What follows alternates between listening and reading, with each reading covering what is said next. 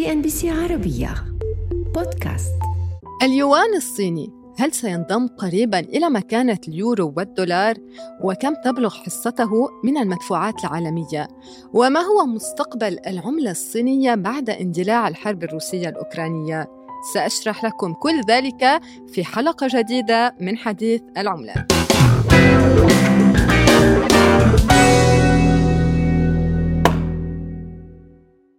تجاوز اليوان الصيني الدولار الأمريكي للمرة الأولى بتاريخ بورصة موسكو العام الماضي باعتباره العملة الأكثر تداولاً.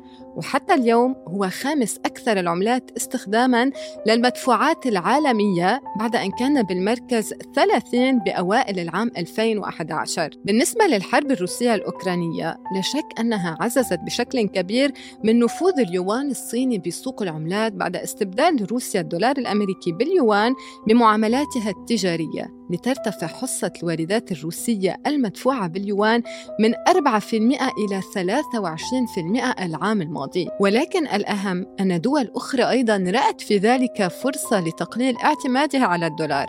مثلا فرنسا تتعامل اليوم باليوان مقابل شراء الغاز الطبيعي المسال من الصين. كما أن البرازيل اتفقت مع الصين على استخدام عملتيهما المحليتين بالتبادل التجاري. حتى أن عدد كبير من الشركات في الأرجنتين تسدد مدفوعات وارداتها بالعملة الصينية. وكان العراق أيضا قد اعتمد على اليوان في تعاملاته مع الصين بدلا من الدولار لتقليل تكاليف الاستيراد. وبالعودة إلى العام 2018 أطلقت الصين أول عقود آجلة للنفط الخام مقومة باليوان في العالم للسماح للمصدرين ببيع النفط باليوان. هذا بالإضافة إلى إطلاقها نظام تسوية المدفوعات بين المصارف عبر الحدود المعروف باسم CIPS والذي يعتبر شبيها لنظام سويفت العالمي للمدفوعات. ولكن طبعا تقتصر تعاملاته بين الدول باليوان الصيني. حتى أن صندوق النقد الدولي أدرج اليوان مع سلة العملات الاحتياطية مما سيسمح للدول بالاقتراض من الصندوق بالعملة الصينية. لكن هل يكفي كل ذلك ليصبح اليوان الصيني العملة العالمية الرئيسية؟ على الرغم من زيادة نفوذ اليوان الصيني لكن لا يزال متوسط حجم تداوله يساوي عشر الدولار الأمريكي.